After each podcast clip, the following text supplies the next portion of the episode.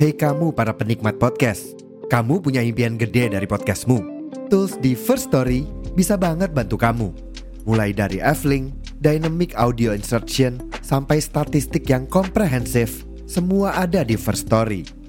Gak ketinggalan, kamu bisa monetisasi podcastmu lewat iklan dari First Story Ads yang bisa kasih kamu penghasilan dari setiap place podcastmu. Yuk gabung sekarang dengan klik di firststory.me. Sekali lagi, di firststory.me. Mari kita bawa mimpi podcastingmu menjadi kenyataan.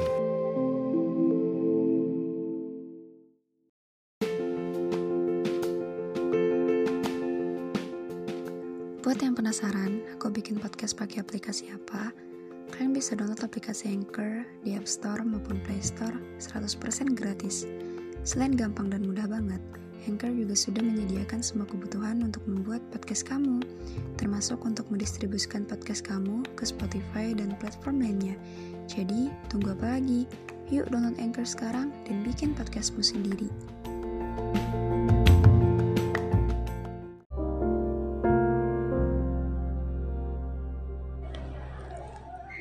Aku sakit banget waktu tahu papa nikah lagi. Yang aku sesali adalah kenapa aku harus tahu dari orang lain. Aku ngerasa hancur banget. Bahkan sampai hari ini aku masih ngerasa sehancur itu.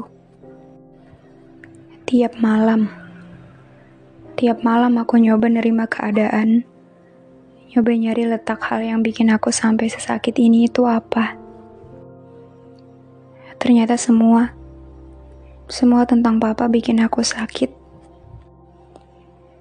Tiap hari aku nyoba nerima. Tiap hari juga aku coba berdamai, tapi banyak banget hal yang gak pernah tersampaikan yang selama ini aku tahan-tahan. Tiap hari aku nyoba buat gak mempermasalahkan itu lagi. Tiap hari aku nyoba buat gak papain semuanya. Tiap hari aku bilang sama diri sendiri selama papa ada di dunia aku akan baik-baik aja. Aku denial sama perasaanku sendiri. Jiwa papa, jiwa papa emang masih hidup tapi peran papa udah mati. Tiap hari aku nyoba paham. Tiap hari juga aku makin gak ngerti sama keadaan. Kenapa bisa sesakit ini? Aku aja bahkan gak paham sama diri sendiri. Aku tumbuh dengan rasa bingung. Dulu aku bingung kenapa mama sama papa nggak serumah pas aku dewasa. Aku makin bingung kenapa kalian pisah. Nggak ada yang jelasin apa pun sama aku. Aku nyoba buat nggak nanya sampai akhirnya aku jadi orang yang nggak bisa nentuin apa-apa. Aku jadi orang yang banyak bingungnya. Semua orang ngira tiap aku bilang bingung bukan apa-apa, tapi aku bingung karena dari dulu aku nggak tahu harus gimana. Perasaan bingung ini jadi menghantui aku, Pak. Aku nggak tahu sama perasaanku sendiri.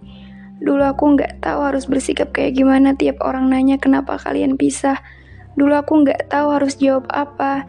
Aku selalu muter otak tiap orang nanya gitu karena aku beneran nggak tahu apa-apa.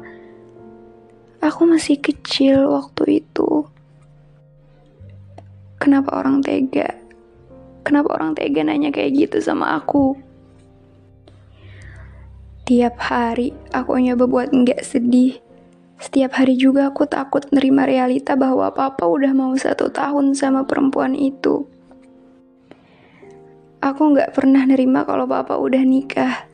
Aku nggak pernah nerima itu. Tapi aku juga nggak bisa marah.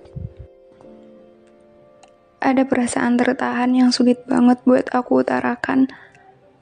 Aku marah, tapi aku nggak tahu mau marahin siapa. Marahin diri sendiri juga udah sering sampai capek sendiri. Hal yang aku takutin ternyata beneran terjadi. Di saat banyak pertanyaan di kepala aku, Papa malah mengalihkan itu dengan hal yang lebih parah lagi. Aku perlu kasih sayang itu, Pak karena aku buta arah, nggak ada apa-apa. Aku jadi takut sama semuanya, aku takut sama hubungan, aku takut jatuh cinta, aku takut. Aku juga nggak mau kayak gini tapi tanpa peran papa di hidup aku hampir membuat separuh kehidupan aku mati. Aku tinggal raga. Papa bikin aku mati rasa.